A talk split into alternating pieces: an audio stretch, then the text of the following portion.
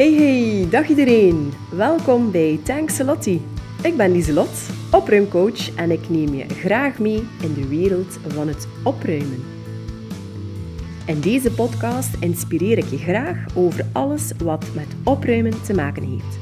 Niet enkel het fysieke, maar ook het mentale.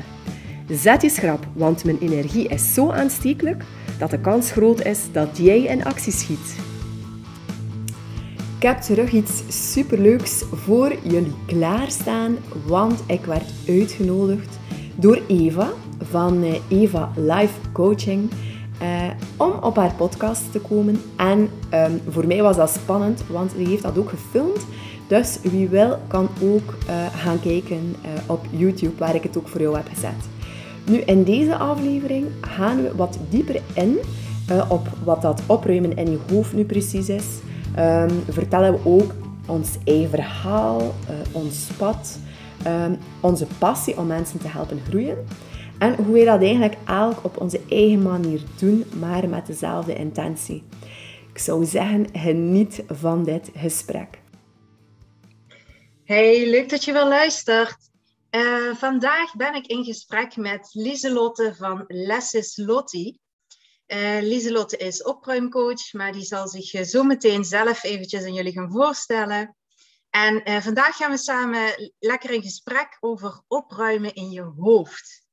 Ehm, heel erg leuk om dat met een opruimcoach te doen en onze, onze kijk op, op opruimen in je hoofd samen te bespreken. Dus Lieselotte, um, zou jij je misschien eventjes willen voorstellen? Wie ben je? Wat doe je? Waar kunnen mensen jou van kennen? Enzovoort. Welkom sowieso. Superleuk ja. dat je dit wil doen. Dankjewel, Eva. Jij ook bedankt voor de uitnodiging trouwens, want ik moest daar niet over nadenken. Ik vond dat een heel leuk voorstel om een keer samen te doen. Ja, superleuk. Uh, ja, wie ben ik? Ik ben uh, Lieselot. Ik ben uh, 40 jaar. Ik ben afkomstig van West-Vlaanderen. Eh? Mensen gaan dat waarschijnlijk ook wel een beetje horen. Ik stap dat ook niet weg. Uh, dat mag uh, allemaal. Uh, ik werk nu één jaar volledig zelfstandig als opruimcoach. Uh, en daarvoor was dat eigenlijk ook al twee jaar dat ik dat deed in bijberoep. Ik heb ook altijd als verpleegkundige gewerkt. Mm -hmm. maar totdat ik eigenlijk zo'n beetje op mijn limieten zat en dat ik het eigenlijk een beetje had had in het ziekenhuis. Want ik ben altijd iemand geweest die vooruit wou, die ambitieus is. En als er nu iets is die heel moeilijk is in een ziekenhuissetting, dat is echt vooruitkomen en dingen echt willen bereiken. Um, en dan heb ik eigenlijk voor mezelf beslist van, ik wil zo niet de oude worden op de werkvloer. Dus ja, ik heb altijd al graag opgeruimd. En uh, toen heb ik een cursus gevolgd, opruimcoaching. En uh, ja, ik had daar dan precies zo, ik zat nog een beetje op mijn honger. Uh, zo echt wel naar die coaching toe heb ik dan nog een cursus NLP en Enneagram gevolgd. En dat heeft eigenlijk mijn leven veranderd. Ik moet zeggen, uh, dat is echt iets die mij, uh, ja, waar dat ik echt wel heb leren tot rust komen. Want ik herinner me nog goed, um, wanneer dat ik um, op laatst in het ziekenhuis werkte, had ik zo heel vaak migraine. had ik ook overal tintelingen. Uh, dat ik dacht van, er, is wel, er moet echt iets ernstig mis zijn met mij, want ik wist niet goed wat dat was. Dat bleek toen chronische hyperventilatie te zijn. Ja. Uh, ik zat toen ook aan de medicatie, maagbeschermers. Uh, alle soorten, denk ik, heb ik uitgeprobeerd, want ik had heel veel last van maagontsteking, slokdarmontstekingen. Ja. Tot, totdat mijn huisarts een keer zei, heb jij niet te veel stress? en dat ik toen zei van, maar nee, nee. Maar ik heb geen... Toen zag je dat nog niet? Nee. Nee, erg hè? Ja, ja. nee. Ik kreeg zoveel signaal van mijn lichaam. Ja. En uh, er toch niet naar luisteren. Ja. Uh, gelukkig is het ondertussen wel anders. Ja. En ja. voel ik wel, als ik er een beetje over ga, dat ik mag landen. En dat ik een beetje rust moet zoeken uh, in mijn hoofd. Dus, ja. ja, het is toch typisch hè, dat we vaak ja, toch tegen een soort muur eerst moeten lopen voordat we willen luisteren. Ja. Ja, ja.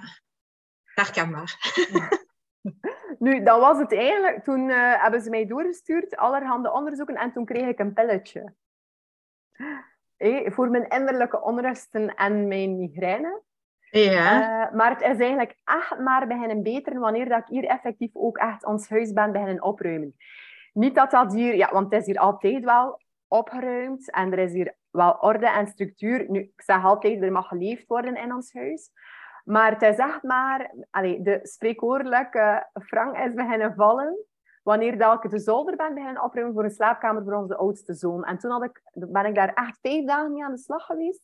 En na die vijf dagen kon ik echt zeggen, amai, ik ben echt hoofdpijnvrij. Ik voel mij zo goed.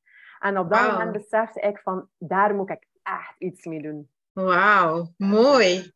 Ja.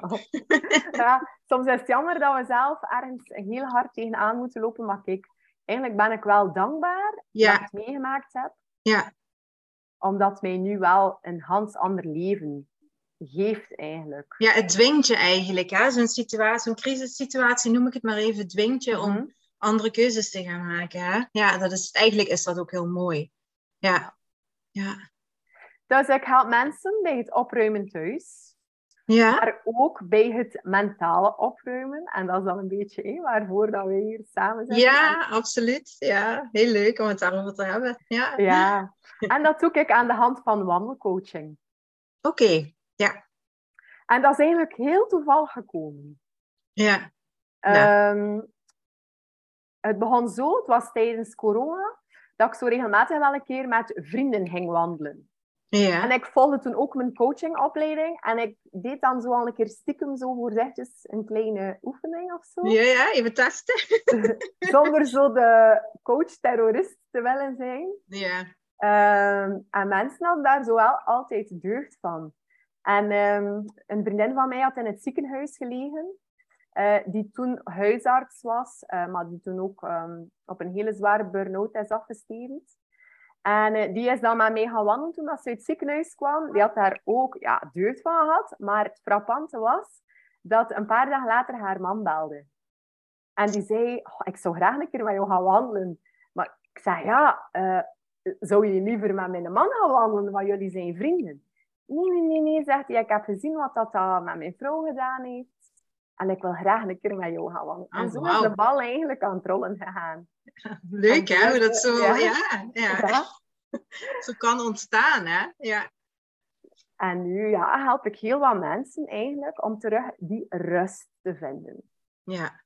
Nou, dat is heel, heel dankbaar werk, hè? Heel mooi om Oh. dat te kunnen doen. Ja. Ja. Echt waar, Absoluut. Ja, ja ik eh, zie, zie wel heel wat overeenkomsten. Ehm, ook ik ben ooit heel hard tegen de muur eh, aangelopen, inmiddels alweer een aantal jaren geleden. Maar ehm, eh, ik had ook een, eh, een best verantwoordelijke baan in het management en heel veel stress, heel veel druk. Ehm, ik denk dat je ook wel herkent dat ja, ik toch hè, dan een type ben, maar waarschijnlijk herken je dat wel, die een heel hoog verantwoordelijkheidsgevoel heeft en ook wel een tikkeltje perfectionistisch. Eh, tenminste, ik, ik was dat zeker. Ik zeg was. Je krijgt het er nooit helemaal uit, maar ik was dat veel erger vroeger als, eh, als nu. En de lat dus ontzettend hoog voor mezelf eh, legde ook een, een, een hoogsensitief persoon. Dus ik, ik, ik voel alles. Hè. Ik voel dus alle, alle sferen. Als ik een kamer binnenloop, voel ik welke energie er hangt. En kon daar in het begin ook nog niet zo goed mee omgaan. Dus ik, ik trok mezelf altijd heel erg alles aan. Eh, waardoor je ja, toch ook wel uitgeput raakt van al die negatieve energie van anderen eigenlijk. Omdat je, ja, ik werkte dan echt wel in een, in een eh, bedrijf waar ook veel stress was en veel eh, negativiteit. En ehm, ja, ook maar doorgaan, maar doorgaan. En ehm, tegen mezelf altijd zeggen dat ik niet zo moest zeuren. Want ik was op dat moment privé heel erg gelukkig. En eh, ik eh, had heel sterk de overtuiging. En eh, daar wil ik het straks echt met je over hebben. Van wat jouw visie daarop is. Dus op onze programmeringen, hè, waar, waar we onszelf van overtuigd hebben.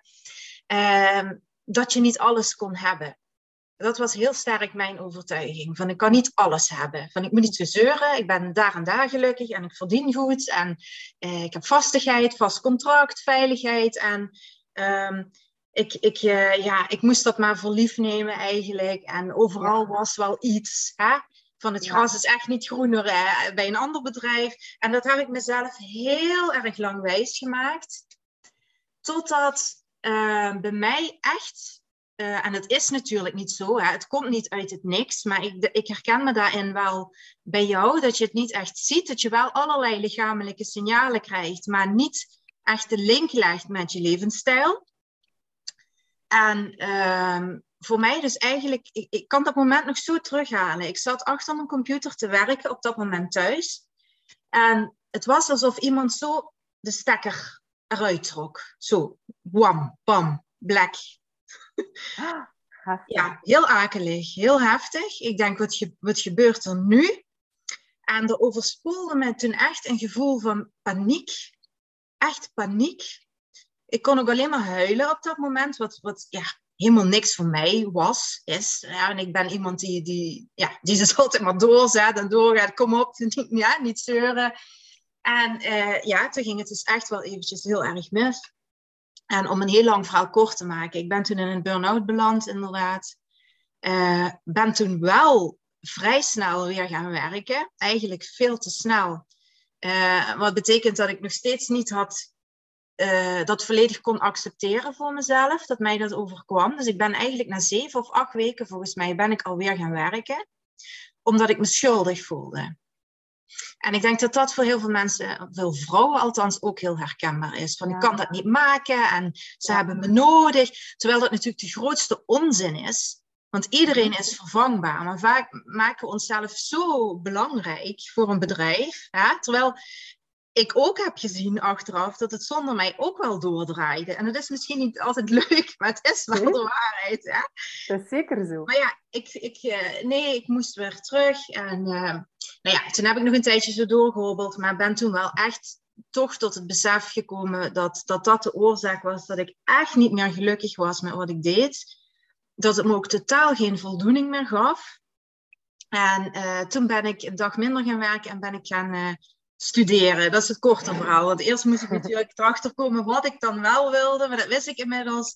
Ja, dat ik iets, iets uh, met, met coaching en zo wilde gaan doen. Ik ben sowieso altijd al heel erg geïnteresseerd geweest in psychologie. En uh, ook al sinds 2006 bezig met uh, energy healing. Dus daar vertel ik zo ah. meer over. Dat doe ik ook. En dat ik daar toch verder in wilde. Dus toen ben ik gaan studeren heb mijn diploma's gehaald, twee stuks, als life coach en bewustzijnscoach. En toen was het uh, de bedoeling, dus ik heb het een beetje andersom gedaan als, uh, als jou. Voor mij was het ook de bedoeling um, om eerst een bijberoep te starten. Hè? Want dan wil je toch weer een beetje vasthouden aan, aan die veiligheid. je, je wil wel springen, maar je durft niet helemaal. En dat werkte niet voor mij. En um, als ik eerlijk ben, ben ik ook wel iemand van alles of niks. Ja, zo ergens ertussenin, dat werkt voor mij niet. Ik wil niet zeggen dat het voor andere mensen niet werkt, maar voor mij werkt het niet.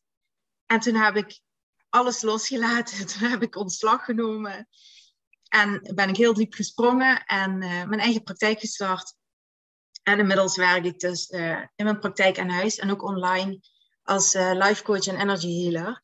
Ja. En dat is dus ook iets wat ik, wat ik combineer. Dus ik help mensen ook met uh, op de eerste plaats erachter te komen wat ze diep van binnen echt willen. Want daar begint alles. Als je dat niet weet, ja, heel vaak weet je wel wat je niet meer wil. Maar weet je eigenlijk niet zo goed wat je dan wel wil. Dus dat is absoluut de eerste stap. En dat doe je door uit dat hoofd te gaan en, en uh, de connectie met je intuïtie te maken. Hè? En ook het verschil te leren kennen tussen je intuïtie en het stemmetje in je hoofd. En uh, uh, vervolgens die, die programmeringen waar ik het net over had, hè, die we allemaal hebben, om die te gaan herkennen en vervolgens los te laten. En uh, werk ik ook echt met een stukje kwantumfysica. Dus dat is een beetje de wet van aantrekking en ja. het feit dat alles energie is en hoe je, wat denk ik toch veel mensen nog steeds zich niet bewust van zijn, hoe je zelf dingen aantrekt in je leven en hoe je dat kunt dus ook bewust kunt gaan sturen. Dat, uh, dat is wat ik doe. En waar ik heel veel passie voor heb, absoluut. Ja. Ik zie het. En voor de mensen die niet zien, ben er zeker van dat het hoort.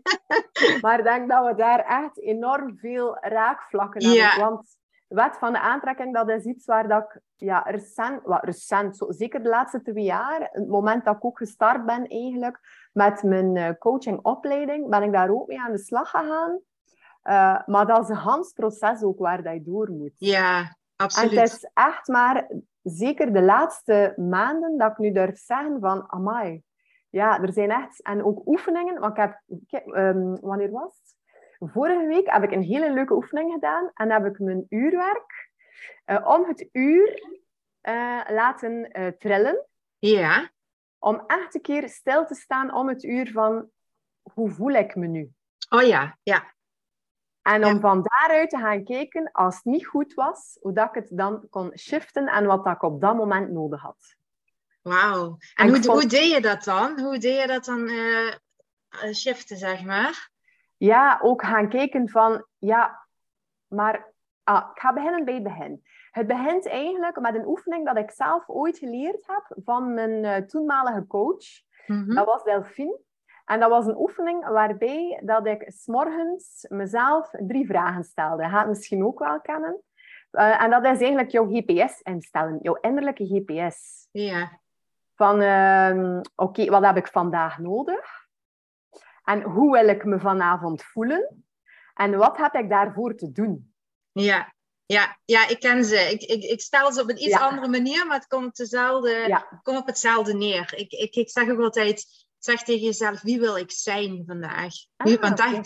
het, het gaat er heel erg om, uh, maar ja, daar gaan we misschien straks nog over verder aan, maar dat je ook de persoon kunt zijn die je wilt worden. Ja, en, en, en veel mensen denken dat in hun hoofd andersom. Hè? Van, uh, je moet eerst dingen gaan doen voordat je iets kunt zijn. Maar eigenlijk werkt het precies andersom. Je moet iemand kunnen zijn om die ook te kunnen worden. Ik denk dat jij precies weet wat ik bedoel. Ja, ja. ja. the be, do, have. Ja, precies. Ja, ja. ja. ja. absoluut. Het zijn, het doen en dan het hebben. Maar die oefening heeft er dan ook voor gezorgd van oké, okay, mijn, mijn timertje gaat af. Of ja, het is zo'n zoemertje die erin zit. En dan even stilstaan van oké, okay, hoe voel ik mij nu? En ja, wat kan ik nu doen om eigenlijk verder mij te focussen op naar vanavond toe, naar hoe dat ik mij wil voelen. Ja. En dat is zo'n simpele oefening, maar zo'n krachtige. Ja. Dat is echt, ja. Dus, uh, dat is bijvoorbeeld een oefening dat ik ook zou meegeven op de wandelcoaching. Ja, ja, het is, het is heel simpel, maar heel effectief. En uh, het heeft alles te maken met bewustzijn. Hè? Bewustzijn van je gedachten. Want ja. we hebben honderdduizenden gedachten per dag. En daar, daar kunnen we ons niet allemaal van bewust zijn. Maar de meeste mensen leven, denk ik, op een soort automatische piloot. En hebben niet eens door dat ze zoveel gedachten hebben. En dat is waar alles begint, is om, om, om ze te gaan zien om ze te gaan herkennen. Ik zeg altijd, hè, je moet een soort inspector gadget worden. en al die gedachten gaan vangen die je, die je continu hebt, inderdaad. En dan ga je ook verschieten van hoeveel van die gedachten eigenlijk negatief zijn. Ja. ja. Nu, en vaak staan, allez, zie ik ook in het algemeen, en natuurlijk, ik heb dat ook wel soms, uh, het moment dat je even de tijd hebt, zeg maar, je staat voor de rode lichten of je staat te wachten aan de kassa, uh, of je wacht ergens in, uh, bij de dokter of bij de tandarts, wat ga je doen? Op je gsm zetten. Ja. ja maar in plaats van gewoon een keer te gaan kijken bij jezelf, van oké, okay, hoe voel ik het mij nu? Ja, ja absoluut. Ja. Maar ja, rond, rond voelen en emoties, ja, is, er is daar zoveel ja, rond te doen. Gelukkig is er daar nu veel bewustwording rond. Ja. Maar ik, ik zag het nu onlangs ook nog. Het was op de manege bij mijn dochter. Dat er een kindje was die begon te wenen omdat iets niet lukte. En de lesgeefster zei, absoluut goed bedoeld, maar je moet daarvoor toch niet wenen. Ah ja, ja, mag toch niet zijn. Ja. Ja. Maar goed bedoeld, hè? Ja. Van, maar jawel, ik heb dan van, jawel, ween maar een keer, laat het er maar een keer aan ja. Maar zo dat voelen, we zijn dat zo verleerd om te voelen. Ja. En het ja. zit ook zo in onze opvoeding. Ja, om absoluut. Te en moeten je... en te mogen voelen.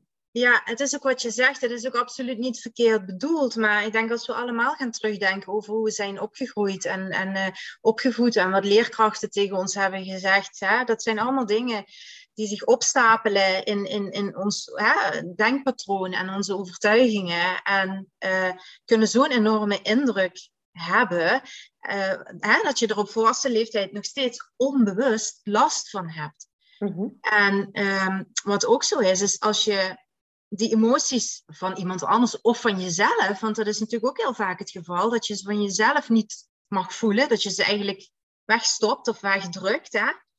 Uh, ik denk dat iedereen wel eens herkent dat je, dat je een brok in je keel krijgt. Dat je, ja, niet huilen, niet huilen, weet je wel?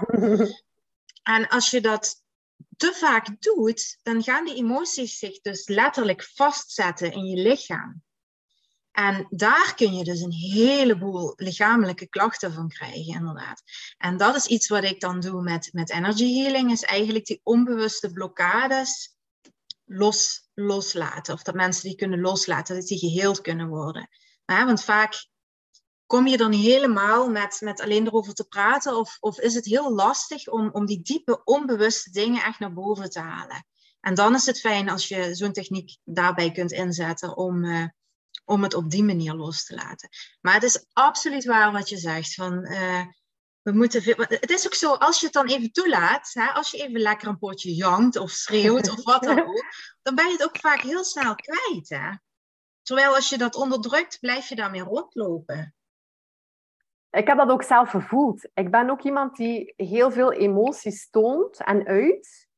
Uh, maar als we dan bijvoorbeeld naar een film keken, uh, en mijn man zit dan naast mij aan de kindjes, en ik voel zo van, oh, het is zo emotioneel. Dan denk ik, ja, niet wenen, niet wenen. Moet sterk zijn, moet sterk zijn. Oh, ik schaam me. En ik kropte dat helemaal op. Ja. Zo echt adem ophouden, kramp. Ja. Echt zo helemaal... Uh, ja, ik herken dat wel. Ik, ik heb dat dan in, in de bioscoop vaak. dat ik ook denk van, oh jezus. het liefste zou ik dan gewoon keihard gaan zitten En dan denk ik ook van, nee, dat kan niet. ja, ja. Maar het moment dat ik dan ook tegen mezelf zeg van, eigenlijk dat is toch helemaal oké? Tuurlijk. Dan, dan heb je dat heel snel weer weg. Ja. Maar je maakt het gewoon minder erg door te zeggen dat het oké is. Ja. We maken het onszelf moeilijk. Moeilijk, ja. Maar ja, het is ook iets ja, een beetje aangeleerd. En door jou er bewust van te zijn, kan je het, kan je het veranderen natuurlijk. Ja, ja, absoluut. En dat is het allerbelangrijkste, is bewustwording. zeg je ook altijd. Ja. Je er bewust van zijn welke gedachten je hebt, ook waar ze vandaan komen. En verder hoef je dan niet veel te diep gaan graven of daar helemaal in te gaan zitten, is, is mijn mening in ieder geval. Maar als, je, als je er maar gewoon bewust van bent, dan kun je het ook los gaan laten. En dan kun je het ook zien. Eh, ik zeg altijd van, bekijk het echt als een, als een observator. Hè? Van, oh, ik heb, ik heb nu die en die gedachte of die en die emotie. Interessant. Zo, hè? En dan ben je zelf gewoon nagaan van, nou, waarom voel ik dat nou zo? Waar komt dat vandaan? En heel vaak door dat te doen, komen mensen er al achter dat het helemaal niks met de situatie van nu op dit moment te maken heeft, maar dat het echt een trigger is naar een oude pijn. Ja. En eh, zodra je daar al bewust van wordt, heb je meer dan de helft al gewonnen. Daar ben ik absoluut van overtuigd. Ja. ja. En vaak is het uh, vanuit onzekerheid, vanuit niet gezien worden, ja. Ja, angst om verkeerd te doen, ja. Vaak is, is dat ook een, Ja, ik denk dat dat een algemene hele grote factor is bij mensen. Is, ik herken het zelf ook, hè, is uh, niet goed genoeg zijn. Ja. Niet goed genoeg zijn. En jezelf niet volledig kunnen, kunnen accepteren met, met al je fouten en, en, en minder leuke dingen. Want die hebben we allemaal, laten we eerlijk zijn. Niemand is perfect en dat hoeft ook helemaal niet. Hè? Uh, ik heb dat bijvoorbeeld ook vaak nu, uh, als ik dan mensen leer om om te gaan met die wet van aantrekking. En dan zijn ze ook zo'n beetje in paniek van, oh, en, en het lukt niet en ik voel me negatief en nu werkt het niet. En dan zeg ik altijd, nee, zo werkt het ook niet. Hè? Je mag dat ook toelaten. Ik zeg altijd, je, je mag het voelen, je mag het toelaten als je er maar niet dagenlang in blijft hangen. Mhm. Dan moet je inderdaad wel leren met die tools om jezelf weer in, een betere emotie te krijgen. Maar het is absoluut niet zo. Ik heb ook nog wel eens een shitdag. Hè? Die heb jij vast ook. En dat mag. Zeker. En dat mag, als je er maar niet te lang in blijft zitten. Maar eh, de, eigenlijk komt dan diezelfde emotie weer naar boven. Van, oh, ik doe het, ik doe het niet goed. Mm terwijl er is geen goed en fout. En ik zeg ook altijd, je hebt het contrast ook nodig Hè, om ehm, dus, dus het negatieve zeg maar ook te kunnen voelen, om, om, om het positieve ook te kunnen waarderen en ook te kunnen zien. Hè? Ja. Daarvoor vond ik uh, een, starten met een podcast een hele goede oefening. Ja, vertel eens. Voor, ik heb daar heel lang over gedaan. Ik denk, vorig jaar in oktober heb ik zo'n masterclass gevolgd van hoe begin je daar nu aan? Want ik babbel wel graag. En ik dacht, ja, zo podcasten, dat is misschien wel nog iets voor mij. En uh, dus dat was vorig jaar in oktober. En ik heb mijn eerste opname gelanceerd 1 april. Mm -hmm. Gewoon die drempel over moeten en ja. zeggen tegen jezelf, het is goed genoeg. Ja. Je bent goed genoeg. Ja. En dat, dat ook, dat leren loslaten, dat proces. En eigenlijk heb ik ook ingezien, daarbij is dat ik, ik had altijd gezegd, ik ben geen perfectionist. maar ik moet toch toegeven dat ik wel meer perfectionist ben dan dat ik eigenlijk wil zijn. Ja. Uh, en, maar ik heb dat nu daarnet ook gemerkt, want ik ben nu bezig aan het uitzoeken hoe dat ik dat nu moet doen voor zo'n online cursus uh, te lanceren. Ja. Dus heb ik nu een keer zo'n platform uh, zo, dat ik gratis kon aanmelden en een keer uittesten. Oh, was ik blij dat het tijd was voor de podcast. Want dan, dan begin ik daar echt zo... Ah, bij ambetant bij te voelen. En dan weet ik van, stop het, laat het los. En kijk dan straks keer verder. Of vraag een keer aan iemand die er wel iets van kent, die het nog een keer kan tonen. Ja, maar vaak Allemaal maken we het ook daar onszelf veel te moeilijk, hè? Ja. Want ik heb, uh, ik heb ook online programma's, maar ik heb absoluut geen academie of niks. Ik stuur, stuur het gewoon via WeTransfer en dat kan ook. Ja, weet dat je? is waar. Maar het is ook vaak, uh, denk ik in het algemeen, dat we te veel kijken naar wat anderen doen. Mm -hmm. Terwijl je veel meer inderdaad mag gaan voelen van hoe wil ik het doen. En, en het mm-hmm. jezelf inderdaad niet, ik herken dat hoor, het jezelf veel te moeilijk maken en het te meteen allemaal perfect en heel mooi. En uh, ja, ik snap dat. Maar het, het, het, het houdt je ook tegen om gewoon te beginnen. Ja. En dan kun je altijd later nog wel dat heel mooi en in een academie. En, het gaat er toch maar om ja, van, van kunnen de mensen krijgen wat ze nodig hebben? Kun je hun die lessen sturen? Ja of nee, daar draait het om, naar mijn idee. het gaat erom dat mensen aan de slag kunnen en niet of ze ergens kunnen inloggen of weet ik veel wat. Eh. Dus maak het jezelf vooral ook niet te lastig, zou ik zeggen. Dat is waar. Dankjewel voor de tip. Je hebt volledig gelijk. Oh, hey, uh, ik ben wel ook heel benieuwd naar uh, uh, wat je zei over enneagrammen. Want ik weet er ja. eigenlijk niet zo heel veel van af. Dus kun je daar ook iets over vertellen? Ja. Eh, het enneagram is eigenlijk een persoonlijkheidsmodel. Ja. die gaat kijken naar wat je drijfveren zijn en je basisangsten. Oké. Okay. Um, en dat is dan eigenlijk onderverdeeld in negen types. Uh, waarvan er drie types een hoofdtype zijn, drie types een harttype en drie types een buiktype. Mm. En waarvan dat er van die negen eentje is die jouw basis is. Ja. En dat is dan te zien of dat, dat hoofd, hart of buik is. En daarnaast heb je dan nog twee andere. Ja, dus ja. stel dat jouw basistype een hoofdtype is, dan heb je daarnaast ook nog een harttype en een buiktype. En dat maakt dan eigenlijk uh, jouw, ja, jouw, allez, jouw type algemeen. Ja, ja. Uh, maar het enneagram is zeker niet bedoeld om iemand in een vakje te stoppen. Nee, nee. nee. Uh, maar echt te, ja, eigenlijk uit, het, uit een vakje te komen. Want dat heeft mij heel veel geleerd over andere mensen. Waarom dat ze reageren op bepaalde zaken. Want ik voelde mij vroeger heel hard altijd persoonlijk benaderd. Maar eigenlijk reageert bijna niemand echt om jou persoonlijk aan te vallen. Mm-hmm. Maar altijd vanuit dat stukje van hun basisangst of hun verlangen die getriggerd wordt. Ja, ja, ja. ja absoluut. Ja. En dat heeft mij zoveel gebracht. En ik ben zo dankbaar met die opleiding dat ik gevolgd heb. Ja. Ik durf zelfs zeggen dat, allee, dat, dat dat mijn leven veranderd heeft. Ik ben daar enorm dankbaar voor. Ja. Dat, dat is echt enorm boeiend. En ik leer nog elke dag bij. Ja. En dat is echt ook iets dat ik inzet in mijn wandelcoaching. Ja. Um, bij het opruimen aan huis um, doe ik dat niet. Daar vullen de mensen zo'n test niet in. Nee. Uh, tenzij dat ze echt interesse hebben. Dat ze, als ze dat al een keer gehoord hebben, van ja, dat zou ik wel een keer willen. Um, dan doe ik dat wel uh, op vraag. Maar anders eigenlijk enkel op het wandelen. Nu, sowieso zie ik ook wel dingen als we aan het opruimen zijn, helpt mij dat ook begrijpen. Uh, waarom bepaalde mensen ja, ja, dingen doen die ze doen. Hè. Ja. Uh, nu, heel interessant, en dan moet ik er ook bij vertellen, dat is dat wanneer je dan die negen types hebt, hebt, er eigenlijk nog een laagje overkomt. En dat is eigenlijk het laagje van de instincten. Ja. En er zijn drie instincten, waarvan dat één instinct eigenlijk ook een, ons dominant instinct is. En het, de andere twee hebben we ook een beetje, uh, maar komen dan minder uh, tot uiting. Nu, en als je dan eigenlijk kijkt, negen types en drie instincten, zorgt dan eigenlijk voor 27 subtypes. Nu, ja. ik ken die ook niet allemaal van buiten. Dat ga ik jullie niet vragen hoor.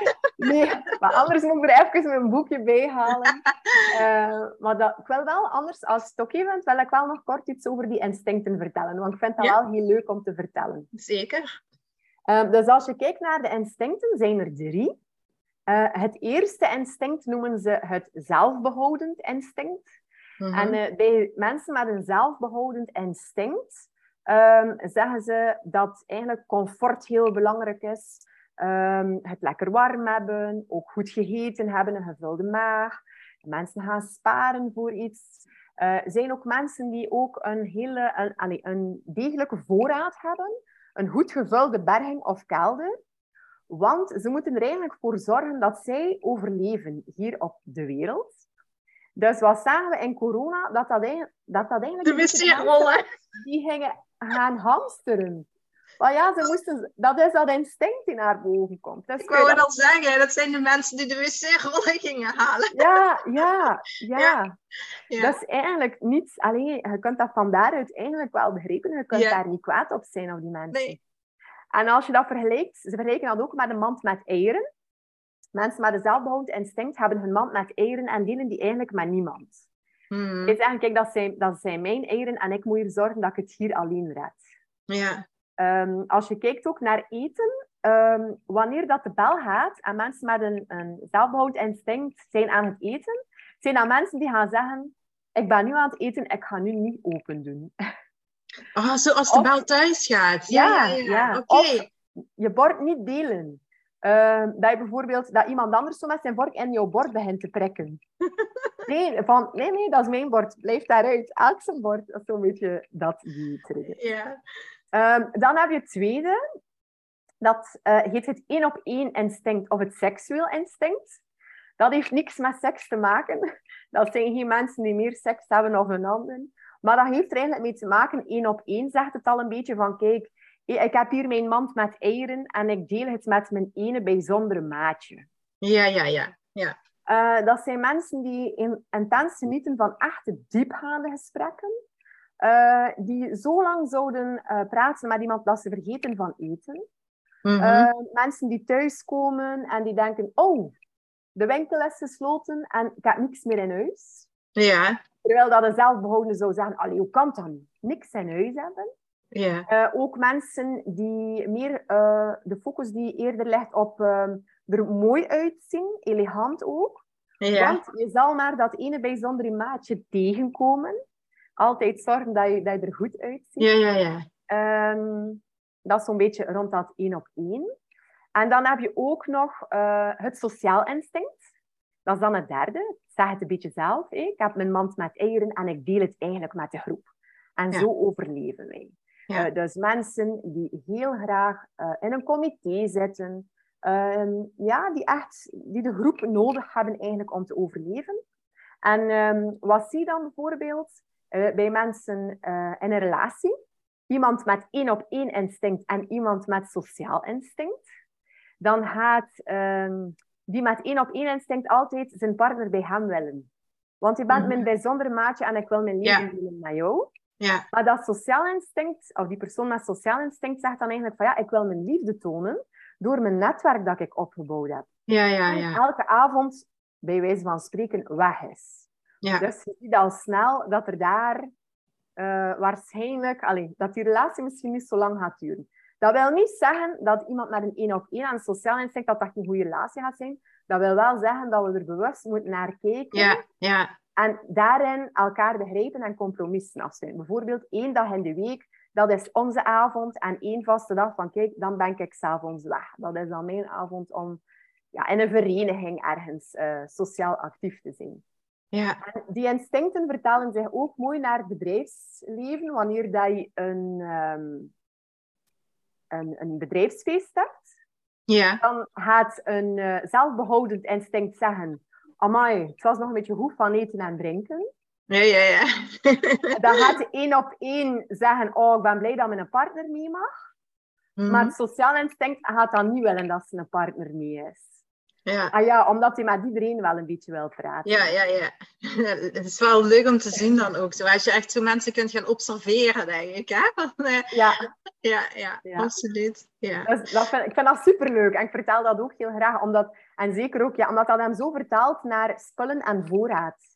Ja, ja, ja, ik begrijp de link heel goed. Ja, ja dus dat je ook eh, echt kunt gaan zien van eh, hoe, hoe mensen met hun spullen omgaan, wat, hoe dat komt en wat, wat voor typen ze zijn, zeg maar. En wat in Ja. hun instinct zit. En, ja, ja, ik snap het. eh, ja. Ter- terwijl een zelfbehoudend instinct niet graag heeft dat hij zijn eten moet delen, ja, als een zelfbehoudend, eh, als, sorry, als een sociaal, of iemand met een sociaal instinct aan het eten is en de bel gaat aan de voordeur, dan gaat hij zeggen, kom binnen en zet u bij. Hup, Ja, ja, ja, ja.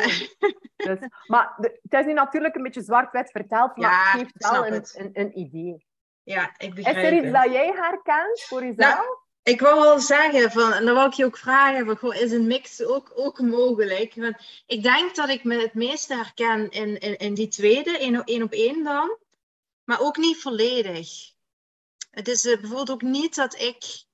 eh, wat, wat was dat ook alweer? Eh, oh, dat, dat mijn ijskast dan leeg zou zijn of zo. Hè? Van, Ja. dat ik ja, dat heb ik dus helemaal niet. Ik ben daar wel, wel wat dat betreft wel gestructureerd in. Dat ik alles eh, goed plan en alles wel op, graag op orde wil hebben. Anders word ik heel onrustig. Mhm. Hè? Dus ik, eh, eh, er moet wel altijd voldoende in, in huis zijn en zo. Maar ik ben ook wel niet iemand die zeg maar altijd netjes uit wil zien of zo. Ik ga ook gewoon eh, s s'morgens, ik poets snel mijn tanden en dan ga ik zo de straat op met de hond wandelen. Dat, dat boeit me helemaal niks. Dus ik denk dat ik een beetje een mix ben. Ik ben wel absoluut geen, ik ben heel sociaal, dat wel. Maar Mhm. ik ben niet van de clubjes en de verenigingen en eh, helemaal niet. Dan ben ik toch meer een solist, meer op mezelf. Heeft ook denk ik te maken met mijn eh, hoogsensitiviteit. Hè? Dus dat ik eh, niet tegen heel veel prikkels kan. Ik hou ook absoluut niet van, van verjaardagsfeestjes en zo. Ik vond dat vroeger altijd vreselijk. Ik weet niet of ze dat bij jullie ook zo deden, maar echt zo in een kringetje zo gaan zitten. ja, vreselijk. Ik, ik, ik, ik vier ook al jaren mijn verjaardag niet op die manier. Eh, we gaan gewoon lekker met een paar mensen waar ik heel veel om geef, gaan we ergens iets leuks doen of zo. Want ik vind ervaringen delen zeg maar veel belangrijker als, als in een kringetje een stuk taart zitten eten. Niks mis mee, ja, maar voor mij, voor mij werkt dat gewoon Ja. niet. En ik ben ook nooit van clubjes geweest en zo. Ehm, dus ik, ik ben wel graag op mezelf. Ik ben ook wel met iemand getrouwd die ook graag op zichzelf is. En we zijn ook graag wel samen met z'n tweeën dan wel. Dus ik ja, eh, denk dat ik meer neig naar die één op één, maar toch ook wel aspecten uit, eh, uit de andere herken. Ja. Hoe is het voor jou? Wel, sowieso hebben we ze alle drie. Ja, Maar er is eentje die domineert. En als Ja. ons basisinstinct goed gevoed is, kunnen we ook makkelijker onze andere instincten inzetten. ja. Wat, Dus- wat is die van jou? Eh, zelfbehoudend. Ja? Ja, dus ik mag niet in jouw bord prikken. Nee, ik heb daar een hekel aan. Kijk, gisteren eh, zijn we... Nee, we zijn al eh, dinsdag, sorry, woensdag. Dinsdag, ja. Zondag zijn we naar de zee geweest. En ik had een ijsje besteld en mijn man niet. En we hadden God. niet op voorhand afgesproken dat we het gingen delen. en dan heb ik, dan heb ik, dat- ik heb dat niet graag, dat hij ook in mijn pot zit te rommelen. maar ja, dat is zo, we lachen daar dan een keer mee en uiteindelijk, Ja. ah, ja. Maar wat, dat, ja, wat dat er ook zo typisch is aan zelfbehoudend is, ik heb altijd water bij. Ja, ik zou anders maar een keer dorst hebben. dat heb ik ook wel, moet ik En zeggen. een koek of ja, goed voorbereid in mijn handtas, zakdoekjes, een, ehm, een stiftje voor als mijn lippen droog zijn, een muntje, deo. Ja, zo die dingen Oké. altijd. eh, ja, goed, goed voorbereid. Ja, Ja, dat zo ook... eh, dat, eh, ja, dat zelfbehoudende. En ik denk op de tweede plaats eerder ja, het sociale. Ja. Uh, maar ik ben ook graag alleen. Allee, als, er, als we op weekend geweest zijn met vrienden, super, maar echt super leuk. Ik geniet daar enorm van, maar ben altijd blij dat ik terug... Ja, even je rust. Ja, ik herken dat wel. Ja, ja. Hey, en uh, als mensen jou nou boeken als, als opruimcoach, hè? Mm -hmm. uh, dan ben ik dus heel benieuwd van hoe gaat dat dan in zijn verloop? Uh, denk je die mensen dan echt dat je alleen komt helpen met, met, met uh, spulletjes opruimen? En gebeurt dat ook wel eens? Of gaat het altijd wel die laag dieper dat ze daardoor, zoals je dat zelf ook hebt ervaren, dus ook ging opruimen in je hoofd, zeg maar? Hoe, hoe werkt dat precies, dat proces? Dat hangt er een beetje vanaf. Uh, ik heb echt mensen die mij contacteren om echt gewoon keer drie uurtjes uh, de, de dressing uh, terug op punt te zetten. En mm -hmm. daar een keer te gaan kijken van wat werkt er voor jou um, en wat niet. Want dat mm -hmm. vind ik net het leuke aan coaching. Dat is dat we veel meer doen dan zomaar advies gaan geven. Maar ook een keer gaan kijken hoe ziet het er voor jou uit. Wat vind jij? Wat heb je mm -hmm. al geprobeerd? Wat niet? Um, Goh, en het gebeurt dat, dat ik daar dan niet een laag dieper moet. Dat mensen echt al op weg kunnen van kijk, hé, met de tips die bij hen passen. En dat ze dan terug um, ja. op weg kunnen. Uh, soms gebeurt het, uh, wanneer dat ze een langer traject boeken, en zeker als ze dan bijvoorbeeld uh, drie keer vier uur nemen, dan ga ik drie keer vier uur echt gaan opruimen. Dat is dan per ruimte. dan leren de mensen echt wel intenser kennen. Ja. En dan, dan, ja, dan doe ik, en ik noem dat ook zo van liefdevol confronteren. Ja. Echt even een spiegel voorhouden. Ja. Echt een keer gaan kijken, maar altijd op een zeer luchtige manier. En ja. daarbij gebruik ik ook heel graag humor. Heel belangrijk. Ja, het is niet dat, dat zo heel serieus nee, en, heel, en zwaar. Maar nee. zo echt, ja, het is dat.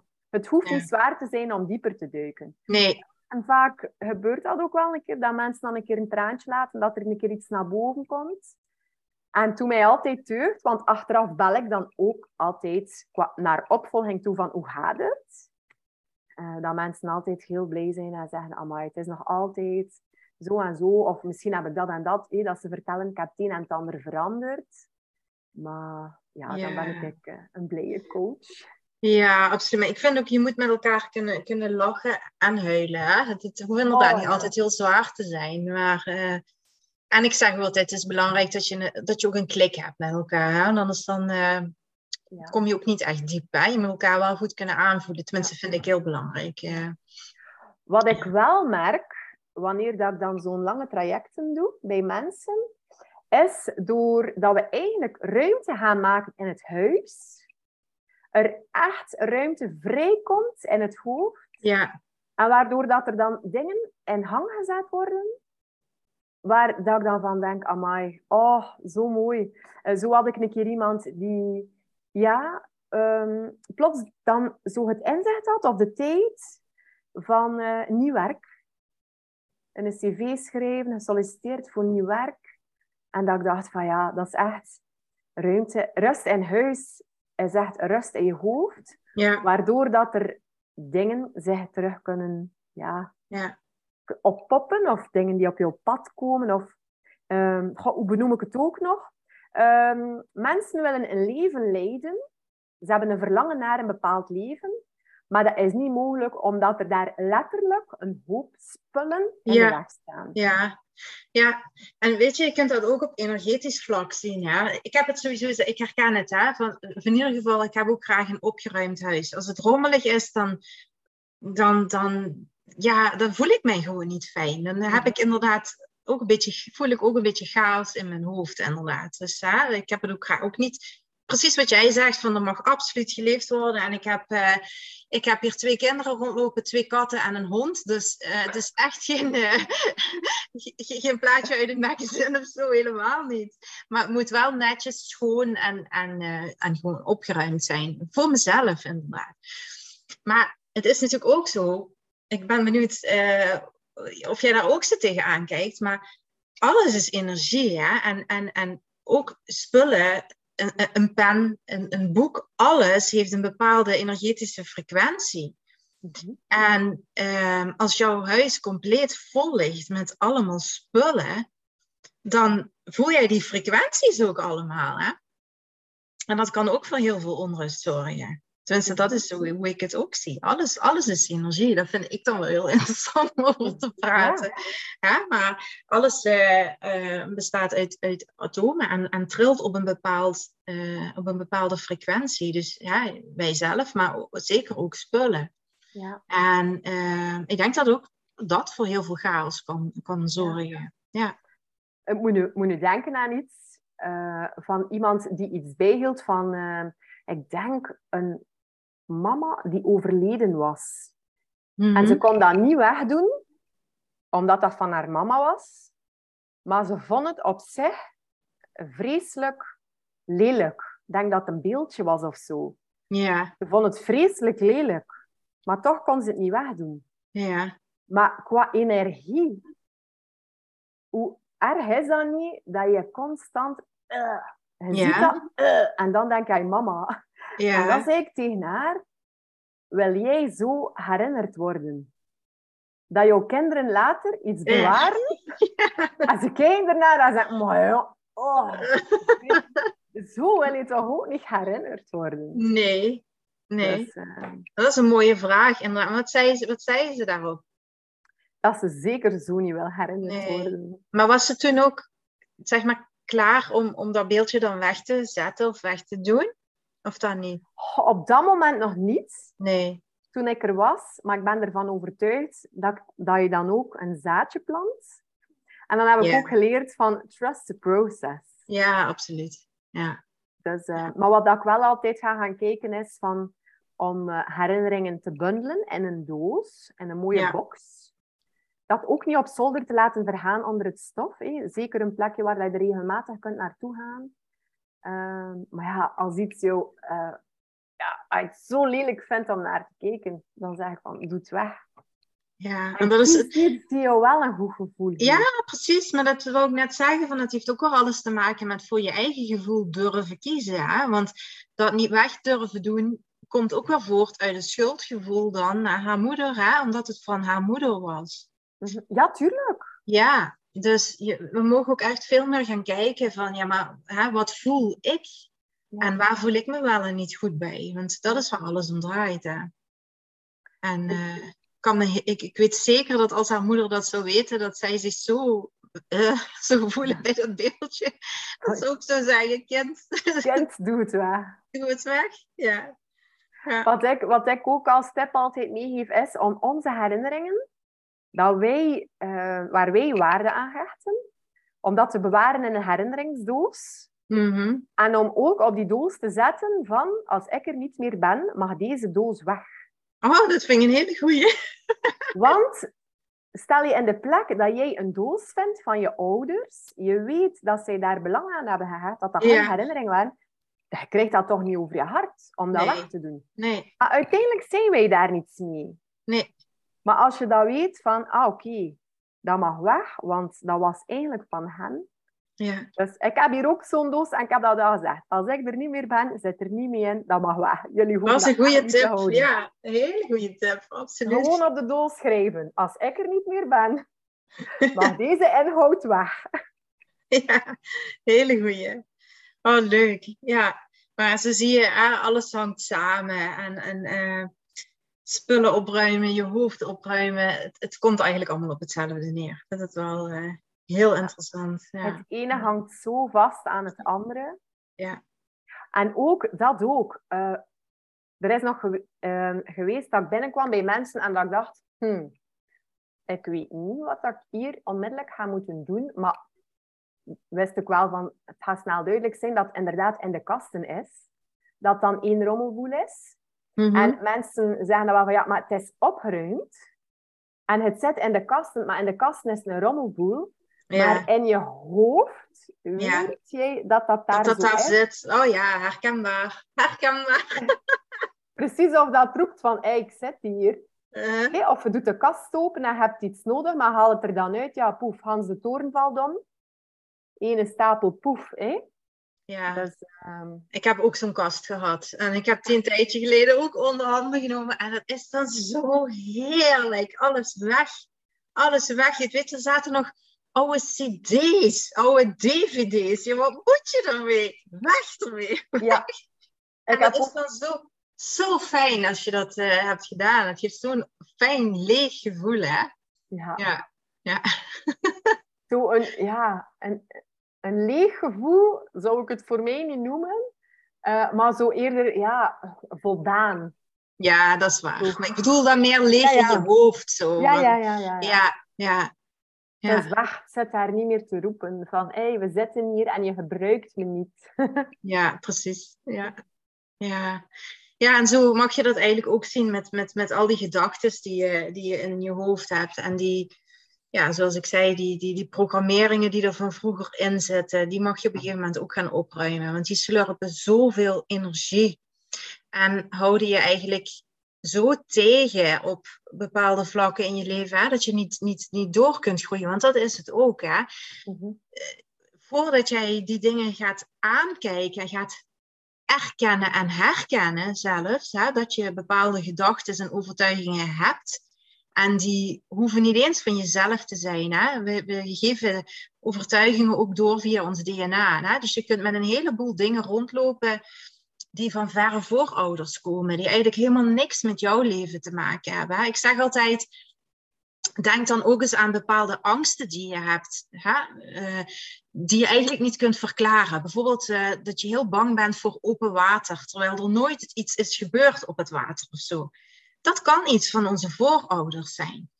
Dus, dus, dus je hebt sowieso al een heleboel dingen die, die voor je geboorte al hè, via je DNA worden doorgegeven. Dan heb je al die dingen waar we het straks over hadden. Hè? Die, wat, wat je ouders tegen je zeggen, wat leerkrachten tegen je zeggen. Iedereen hè, die sowieso tussen je nulde en je zevende jaar is een, heeft een enorme impact uh, op je. En, en stapelt zich allemaal op, ja, ik noem het altijd je, je persoonlijke bandrecordertje hè, eigenlijk.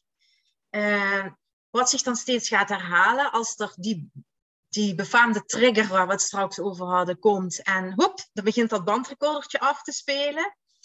En als je dat niet opruimt, als je dat niet gaat zien van wat heb ik eigenlijk allemaal voor gedachten over mezelf, over de maatschappij, over de wereld, over andere mensen. En, en wat doet dat met mij? Hoe voel ik mij daardoor? En de allerbelangrijkste vraag, dient mij dat nog op dit moment? Want heel vaak is dat absoluut niet het geval. Zijn het bepaalde overlevingsmechanismen die je je hele leven hebt opgebouwd, die je vroeger als kind misschien wel hebben gediend, maar nu al lang niet meer. En als je dat niet ziet en dat niet opruimt, kun je ook nooit verder groeien, want het blijft je altijd klein houden, blijft je altijd tegenhouden. En dat is uh, wat ik zo belangrijk vind, dat mensen zich dat gaan beseffen. Dat ze zich gaan beseffen dat er in dat hoofd en, en diep in dat lichaam zelfs allemaal dingen zitten die opgeruimd mogen worden. En mogen worden vervangen door uh, gedachten en gevoelens die je wel dienen op dit moment, die je wel helpen om verder te komen en verder te groeien. Ja. ja. Dat, is het, dat is ook wat dat Enneagram eigenlijk enorm aan mij gedaan heeft. Ja. En uh, vanuit mijn basistype eigenlijk ook gaan kijken van oké, ik ben zo weer een beetje aan het vervallen eh, op automatisch piloot. En ik ben zo'n beetje aan het afzakken in mijn minder mooie versie van mezelf. Van oké, wat kan ik nu wel inzetten? En dat is dan ook gaan kijken naar andere types van wat kan er mij daar dienen. En oh ja, dat is echt dat is een, hele leuke, een hele leuke tool. Ja. Uh, maar wat hij daar ook zei van um, verschillende generaties ver eigenlijk rond die angst. Ja. Um, ik heb daar vorige winter een heel mooi boek rond gelezen en dat, was daar ook, dat stond daar ook in beschreven. Ja. Um, dat was van een, geschreven door een psychiater en de titel was Hot Rate met een Porsche. Kan ja. Een, ja. Kijk, het boek, ja. ik weet nu niet meer onmiddellijk hoe dat heet. Ja. Nee, ik ook niet, maar ik, ik, ik weet wat je bedoelt. Ja. Uh, maar ik vond dat ook een heel goed boek en het staat ook mooi beschreven zo rond de drie basisangsten, dacht ik dat we hebben. Zo angst voor de dood, angst voor niet graag gezien worden, dacht ik. Ja, uh, ja. ja ik vond dat een heel goed boek. Ja, ja is ook. Ehm, een vriendin had mij dat, toen dat ik dat voor de eerste keer hoorde, was dat een vriendin van mij die dat vertelde. En ik dacht eerst van, wat zegt zij nu? ik vond dat eerst moeilijk geloven. Maar toen ik er effectief ook begon over te lezen, ja. dacht ik van, ja. En nu, zeker, ja. Ja, dit is echt pure epigenetica. En daar ben ik absoluut heel erg in geïnteresseerd. En uh, ik weet niet of je toevallig hebt gelezen, maar het heeft laatst, ook op het laatste nieuws heeft er een artikel over gestaan. Echt over epi epigenetica, dat trauma dus uh, generatie op generatie wordt doorgegeven. En ik was mhm. daar zo blij mee dat dat eindelijk wat meer uh, in het nieuws komt. Uh, dat mensen daar toch zich meer bewust van worden en daarmee bezig zijn. Van dat dat echt het geval is. Dat het echt niet allemaal van je eigen ervaringen hoeft te zijn. Maar dat het echt wordt opgeslagen in ons DNA. En dat je dus ook kunt leren om, om dat te herprogrammeren. En dat je Oh ja, word ik heel enthousiast. Maar wij, wij zijn als mens tot zoveel meer in staat als dat wij, dat, waar wij ons bewust van zijn. wij zijn in staat om onze eigen DNA-codes te veranderen. En uh, dat is iets waar ik ja, ontzettend geïnteresseerd in ben. Van hoe dat werkt. Ook met die healings die ik doe. Dat is puur het zelfhelend vermogen van de mens. En in deze westerse wereld zijn wij zo bezig met overal maar een pilletje instoppen en symptoombestrijding. En um, terwijl je door de, de kracht op de eerste plaats van je eigen lichaam, maar ook van natuurlijke kruiden. En ik werk dan zelf ook met essentiële oliën. Want die hebben op de eerste plaats hebben die ook een enorm hoge energetische frequentie. En uh, geuren werken ook echt direct uh, op ons brein, hè, op onze breinprocessen. Dus ik, ik gebruik geuren ook in, in, in sessies om, om mensen die bijvoorbeeld in een, uh, als ze aan een, een uh, gedachte denken die hun heel veel stress geeft. Hè, en ze dan een bepaalde olie die ik altijd persoonlijk samenstel voor iemand. En ik maak zelf altijd een blend op het thema wat er bij jou speelt. En door dan gewoon puur die olie in te gaan ademen, wat er dan gebeurt, dat je meteen kalmeert, tot rust komt. Ehm, en dan denk ik, dat is allemaal gewoon verkrijgbaar in onze natuur. Wij zijn die natuur, maar we zijn dat vergeten in deze maatschappij. En dat is echt een van mijn missies. Dus om mensen weer terug bij zichzelf te brengen, in hun eigen kracht, in hun, te gaan zien wat hun eigen lichaam allemaal vertelt ook. Hè? Dus wat je zegt met die signalen wat je allemaal krijgt. Ja die zijn er niet voor niks en die moeten we niet negeren. En soms is het natuurlijk makkelijker om de andere kant op te kijken, omdat, je, omdat we allemaal in zo'n rat race zitten, zeg ik altijd, hè, en geen tijd hebben en, en hiermee bezig zijn, daarmee bezig zijn. En als we ons dan ook nog eens moeten bezighouden met dat er iets niet goed gaat bij ons, hè, is het vaak makkelijker om het, om het weg te stoppen. Maar geloof me, je komt jezelf honderd keer harder tegen. En dat weet jij ook. Ja. En soms is het inderdaad helaas nodig. Maar ik, ik hoop ook heel erg door het werk wat wij doen, om dat een beetje voor te zijn bij mensen. Dat ze die signalen toch wat eerder gaan oppikken en eerder een andere richting kunnen gaan kiezen. Want eer je die, die connectie met je intuïtie weer kunt maken. Met dat, met, ja, het maakt niet uit hoe je, hoe je het noemt. Je buikgevoel, je ziel, je hart. Het is allemaal hetzelfde. Maar die weet heel goed wat jouw pad is. En die duwt jou een bepaalde richting op. Je moet alleen weer leren om het te horen. Ja. En niet alleen in dat hoofd te zitten. Ja. Dat zie ik ook bij mensen die bij mij komen op de wandelcoaching. Die zo hard in hun hoofd zitten. En die bijna verleerd zijn om nog ja, te voelen. kunnen maken met een buikgevoel of een intuïtie, zoals dat het ook noemt. Ja. Nu, en dat is ook hetgene die met mij gebeurd is. Ik heb toen een pilletje gekregen, zeker niet verwijt naar die arts. Die dacht ook dat dat voor mij dan op dat moment het beste was. Maar dat was zeker niet hetgene wat ik nodig had. En ik ben blij dat ik daar zelf mijn weg in gezocht heb. Ja. En omdat ik het zelf zo hard gevoeld heb en het ook kunnen heb, heb ik zoiets van, als ik dat kan, dan kunnen andere mensen dat zeker ook. Ja, ja, maar dat is ook zo. Ja, we zijn allemaal ervaringsdeskundigen. En ik denk dat er alleen maar heel veel bijdraagt aan dat je ook echt kunt begrijpen wat iemand voelt en waar iemand zit. En heel belangrijk, ook weet wat er nodig is, welke stappen je moet doorlopen om daaruit te geraken. Ja. Dat leer je niet in de boekjes. Nee. Nee. Heb jij dat ook zo, dat je merkt dat jouw klanten precies meegroeien met jou? Ja, absoluut. En ook altijd heel veel herkenning. Hè? Het, is, het is net of je tegen jezelf van een aantal jaren geleden zit te praten. Ik weet niet of je dat soms ook hebt. Van Ja. Heel veel herkenning. En, en dat is natuurlijk ook logisch, want door wie jij bent, trek je natuurlijk ook bepaalde mensen aan. Maar Ja. zoveel herkenning. En daardoor kun je ook zo goed voelen wat die persoon op dat moment voelt. Hè? Ja. Van, ik heb, ben daar zelf ook geweest. Ja, Hè? Dus eh, ja, absoluut. Ja. dat is voor mij ook. Ja, en ik vind dat ook wel leuk om te zien. Ja, Je hebt iets meegemaakt en dan een paar maanden later meldt er zich iemand aan. Dat is zo'n proces waar je zelf doorgegaan bent. En dan meldt er zich iemand aan dat je denkt... "Ah, Oh, nu kan ik jou dat terug doorgeven. Ja, En dat wil niet zeggen hoe dat ik aangepakt heb, dat dat de juiste manier was. Want dat is ook weer voelen wat dat er dan bij hen best past. ja, Maar, ik ook heel vaak eh, dat mensen zeggen eh, van... Ik vertel daar vaak ook over, zonder in detail te treden. Maar Ja. ook van, weet je, ik heb iets gelijkaardigs meegemaakt. ja, natuurlijk. Ja, En ehm, ik krijg dan ook de feedback van, van mensen die al bij een therapeut geweest zijn. Die zeggen van, "Goh, weet je, dat maakt jou ook zo menselijk. ja, Doordat jij ook jouw stukje een keer vertelt. Ja. Ik zeg, zonder die Hans de details en, en om... ja. Maar ja, die herkenning.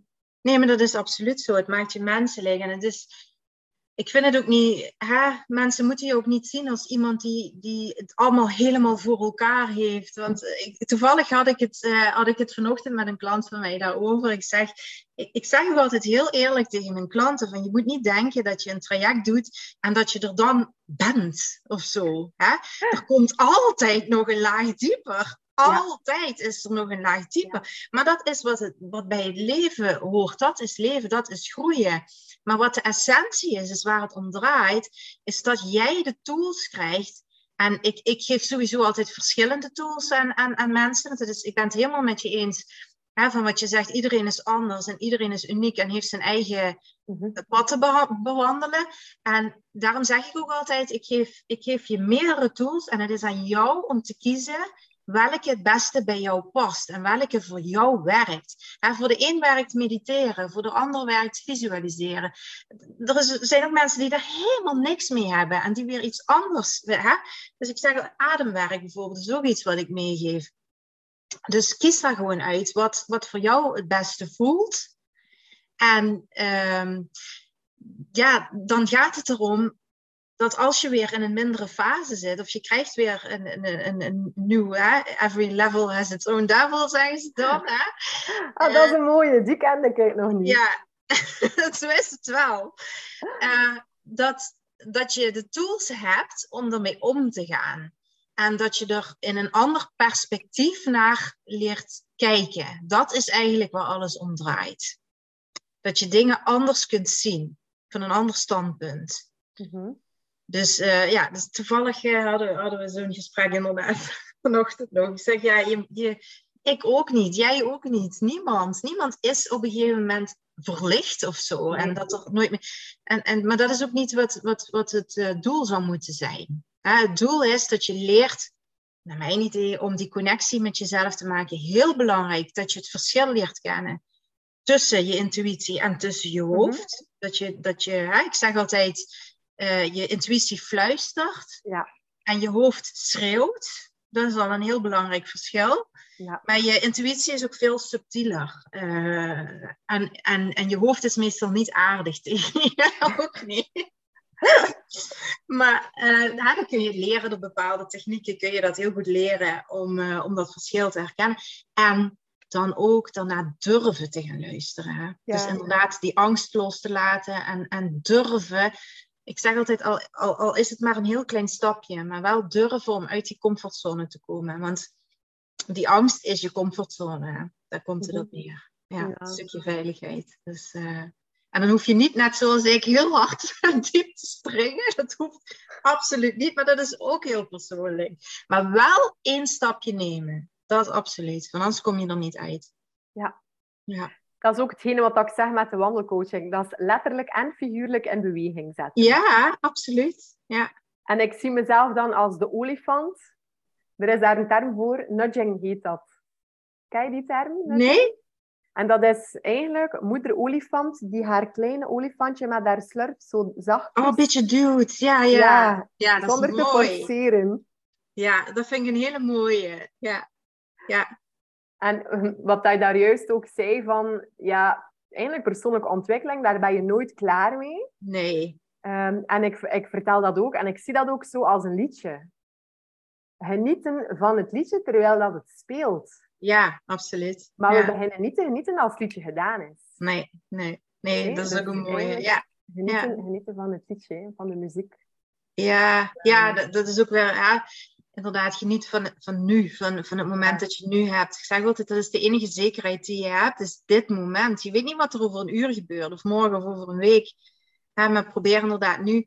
En wat veel mensen denk ik doen, is, eh, wat ik ook heel vaak hoor, is als ik dat en dat heb bereikt en als ik dat, dan ben ik gelukkig en dan zou ik gelukkig zijn. Maar dat is natuurlijk heel verkeerd. Mhm. Je moet inderdaad, je, je moet zeker, of je moet, je mag een doel hebben om naartoe te werken. En, en ook helemaal gaan voelen hoe dat zou zijn als je dat doel al bereikt. Maar ondertussen inderdaad wel gewoon genieten en het leuk hebben op dit moment. Hè? Op, en, en ook allerlei manieren proberen te zoeken ehm, waarop je je goed kunt voelen. Dat is absoluut heel belangrijk. Ja. Ja. Voor mij is dat bijvoorbeeld podcasten. Ik geniet Ja. ervan en ik voel me goed. Ja, ik vind zo gesprekken hebben ook altijd heel erg leuk. Ik, ja, podcasts alleen opnemen vind ik ook leuk. Maar ik vind het ook heel leuk om, eh, om gesprekken, boeiende gesprekken te hebben met andere mensen. Absoluut. Ja. Ja. Zeker. Nou, ben, ik blij ook, met, ben blij met de uitnodiging, echt waar. Want uiteindelijk kennen wij elkaar niet zo goed. niet zo goed. Nee, nee klopt. Ik, ik weet zelfs niet of dat we elkaar gezi- gezien hebben. Ja, op de live dag. Ja, Ja, ja, voor, de, ah. voor de luisteraars. eh Lieselot en ik hebben, eh, ja, is alweer een aantal, ja, het is al eventjes geleden. Vorig jaar, vorig jaar denk ik. Ja? Begin vorig jaar misschien. Ik weet het al niet meer. Maakt niet uit. We hebben samen in een, eh, in een business coachingstraject gezeten. En op de live dag hebben we elkaar eventjes gezien inderdaad. Maar er waren natuurlijk heel veel mensen. Ja. Dus, maar elkaar wel een beetje zo blijven volgen. Ja, en, eh, ja. Kijk, wat dat dan ons brengt. toen dacht ik, eh, toen zag ik eigenlijk, dat, zo kwam het. Ik zag dat je een podcast was gestart. En toen dacht ik, hey, dat is leuk. dan kunnen we samen eens een keer een podcast opnemen. Ja. Ja. Heb jij dat ook, zo met mensen waarmee dat je echt die connectie voelt? Dat je denkt, hé, hey, we moeten een keer samen een podcast doen. Ja, absoluut. Ik, ik doe dat ook niet met iedereen hoor. Ik, ik wil wel, eh, tot nu toe heb ik het wel gedaan met mensen die ik toch een beetje ken, inderdaad. Oh, wel. amai. Eh, dat je, nee, maar je moet natuurlijk wel op een bepaald niveau op dezelfde lijn zitten, ik het Ja. zo zeggen. Hè? En dat je elkaar ook, ook aanvult. En eh, ja, jij coacht op een andere manier als ik, maar toch is de essentie, denk ik, wel heel veel hetzelfde. Ja. En ehm, ik vind het ook heel fijn om. om, om ik zeg altijd, hè, ehm, mensen moeten ook een klik hebben met een bepaalde coach. Hè. Je kunt wel hetzelfde doen, maar iedereen doet het toch op zijn eigen manier. En Ja. ik ben er altijd heel transparant en open en, en eerlijk in. Ik zeg ook altijd in een intakegesprek van je moet het voelen. Ik zeg, als je, ik voel me ook niet beledigd of zo, hè, maar als mensen het niet voelen met mij, moeten ze een andere coach zoeken. En ehm, daarom vind ik het zo leuk om, om samen een podcast op te nemen. Dat, eh, dat je luisteraars ook kennis leren maken met andere coaches. En dat ze voor zichzelf van, hey, die Lieselot, die, die lijkt me leuk. Of dat vind ik een leuk mens. Hè, of andersom. En, eh, en dan eh, daar wat meer over kunnen gaan, eh, gaan opzoeken. Maar ehm, die klik moet er absoluut zijn. Van beide kanten trouwens hoor. Ja, eh, dat vind vind ik. ook. Vind dat En- ook heel belangrijk. En, dat, en, en ik vind ook dat mag ook zijn, want niet iedereen, niet iedereen vindt je leuk. En niet, niet iedereen houdt van jouw manier van coachen. En dat is ook helemaal oké. Hè? Ze, ze zeggen dat zeven op de tien mensen ons leuk vinden. En omgekeerd ook, dat wij ook zeven op de tien mensen leuk vinden en dat Ja. er altijd drie van de tien zijn dat we niet leuk vinden. Ja, en dat is helemaal prima. Ja, ik leer dat ook aan mijn kinderen. Dat Ja, ik zeg van ja, eh, ze voelen zich dan soms zo'n beetje gekwetst van ja, dat kindje wou niet met me spelen of het was ergens iets van hé, dat kindje vond me niet leuk. En dan zeg ik van ja, maar dat is oké. Ja. Want jij hebt ook niet iedereen graag die in de klas zit. Ja. En dat is ook oké. Ja, En als ik dan zo lezingen geef, dan zeg ik dat ook van, kijk mensen, zit er niet mee in. Zeven op de tien mensen vindt mij leuk. Er zijn er zeker. En als er dan twintig zitten, dan zeg ik, zes hier gaan er mij niet leuk vinden. ja. Dus ik hou het in de gaten. Ja, ja. Nee, nee, maar een grapje. Maar, nee, maar ja, ja, dat is, zo en het moet ook, moet ook oké zijn. En, eh, Zeker. ook. Mensen genoeg eh, om... Uh, ja, we zijn maar genoeg op de wereld. Absoluut. Ja. Maar superleuk. Ik, eh, ik hoop eh, dat degene die luistert het ook eh, interessant vond en leuk vond. Ja, ik hoop ook dat ze er iets aan gehad hebben. Ja, ik vond het ook leuk. Ik hoop dat ze er ook iets aan gehad hebben. Maar als mensen iets meer over jou eh, willen weten, waar, eh, waar kunnen ze dan terecht? Eh, sowieso kunnen ze terecht op mijn website. Dat is Mhm. www.lisislotti.be. Daar staat alle info rond opruimen aan huis, maar ook de wandelcoaching. En natuurlijk ook, ik ben heel actief op Instagram. Dat is iets dat ik heel graag doe. Dat vraagt van mij weinig energie om te zeggen. Ik krijg daar ook veel energie van. Ja. Eh, en ik heb ook een Facebookpagina, maar daar ben ik iets minder actief. Ja. Ehm, En ook op LinkedIn. Ehm, Ja. Het was trouwens daar waarschijnlijk dat je het gezien had. Van Daar had ik het gezien. Ja, klopt. Ja, ik doe zelf niet meer, eh, eigenlijk bijna niks meer. of- Nee, ik doe eigenlijk niks meer op LinkedIn, zo moet ik het zeggen. Ik ben begonnen, ehm, wat ook weer een denkfout is, inderdaad. Van ik moet overal zichtbaar zijn en ik moet overal opzetten. Dus ik had LinkedIn, Facebook, Instagram, eh, podcast. En ehm, toen dacht ik op een gegeven moment, nee, LinkedIn is niet mijn kanaal. En ik, ik, eh, je kunt me er wel vinden, maar ik, ik zal er niet meer actief iets, iets posten. Mhm. Dus sowieso ben ik ook te vinden op mijn website www.evalifecoaching.com. En daar staat alle informatie over coaching, wat ik sowieso altijd combineer met energetic healing. Maar ik bied energetic healing ook apart aan. Dus als mensen geen behoefte hebben aan een coaching traject, maar wel eh, graag die healing willen ontvangen, dan kan dat eh, ook online trouwens. Ah dat ja, eh, ging ook vragen. heel apart. Je leest Eh, mijn gedachten.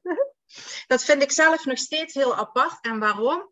Ik weet dat het zo werkt. Ik weet dat energie eh, gewoon gestuurd kan worden. En dat hè, tijd en ruimte, maar dat bestaat gewoon allemaal niet. Dat weet ik. En toch is er iets in ons brein wat denkt, huh? Hoe kan dat? Van achter een laptop. Hè? Maar ik heb, het, ehm, ik heb het al meerdere keren gedaan en het heeft absoluut hetzelfde effect als dat iemand bij mij op de behandeltafel eh, ligt. Ik stuur dan ook de essentiële olie op naar de mensen thuis. Dus dat, ze die- dat ik wel, want die combinatie maak ik altijd. Dus healing in eh, combinatie met, met de olie. En dat werkt even goed. En ehm, daardoor kun je ook veel meer mensen helpen. Want niet iedereen woont in de buurt. Eh, ik heb trouwens wel een klant die eh, wel het liefste, maar die zit in een coachingstraject en die wil altijd het liefste wel fysiek aanwezig zijn. En die zit echt drie uur in de auto iedere keer om een uurtje bij mij te zijn. Dus dat vind ik wel een enorm compliment ook. maar eh, het kan dus ook zeker eh, eh, online. En ik doe dat dus ook apart, omdat, ja, zoals ik zei, niet iedereen wil meteen in een coachingstraject. Vaak Mhm. vloeit het er wel uit, uit voort, maar niet altijd. En er zijn ook mensen die la- gewoon last hebben van een lichamelijke klacht die ik op die manier kan verhelpen. Of die gewoon even een uurtje heerlijk willen ontspannen en in zichzelf willen zakken. Dan kan dat ook. Mhm. En eh, ik ben eh, ook het meest actief, denk ik wel, op eh, Instagram. Gewoon ook onder Eva Life Coaching. Mijn podcast. En op Facebook ben ik ook nog wel actief, inderdaad. Ja. Ja. Mooi. Als ik in de buurt ben, dan ga ik een keer moeten binnenspringen. Hè? ja, maar het lijkt me sowieso superleuk om eens een keertje iets af te spreken. ja, Ja, ja. We wonen niet echt bij elkaar in de buurt, maar ja, nee. zo, zo groot is het land nou ook weer niet. Hè? Nee, dat is waar. Nu, en wat dat ik wel, en dat is eigenlijk recent, ik heb daar eigenlijk nog niets over gecommuniceerd, maar misschien dat ik het hier wel mag doen. Eh, Ja. Dat is dat ik merk van mensen die eerder uit jouw streek komen, ehm, ja, zo'n beetje terughoudender zijn voor, ja, om een opruimcoach te laten komen. En zeker ook omdat de kilometervergoeding dat van mij ja, oploopt, omdat dat zo Ja. ver is. En nu is er iemand die uh, in de regio van Mazeik woont, waarmee dat we eigenlijk gaan samenwerken. Oh, leuk! Dus, ja, als er iemand is in jouw buurt die graag een opruimsessie wil, dan, werk ik, dan ga ik eigenlijk samenwerken met uh, Ine van uh, Huisje Opgeruimd. Ja, ik dacht dat Ine was. Oh, wat leuk. Het is van Huisje Opgeruimd. Dus ja, kijk, bij deze een ja. nieuwtje. Ja, leuk. hoe meer mensen dat we kunnen helpen. Absoluut, ja. Nee, hoe, hoe beter natuurlijk. Hè? Dus, Zeker uh, weten. Voilà. Nou, ik vond het super leuk, Lieselot. Uh, misschien kunnen we het ooit nog een keertje doen over een ander onderwerp. Ja, zeker. Ja, kom ik een keer bij jou. ja, heel graag. Zeker wel. we gaan hem sowieso delen uh, in al onze twee onze podcasts. Hè, dus iedereen zou hem kunnen horen. En uh, dan wil ik je bedanken. Ik vond het een heel leuk gesprek. Dankjewel, ik vond het ook superleuk. Dan gaan we hem uh, afronden en dan uh, komt er misschien nog wel eens een vervolg. Dankjewel. Okay. Ja. Bye. Super dankbaar dat je weer luisterde naar deze aflevering. Vond je het interessant? Vergeet dan zeker niet te delen. Op Instagram of op je favoriete kanaal. Want hoe meer mensen ik kan inspireren, hoe beter. Dus dank je wel daarvoor, lieve mensen. En wil je geen enkele aflevering missen? Vergeet dan zeker niet te volgen. Bye!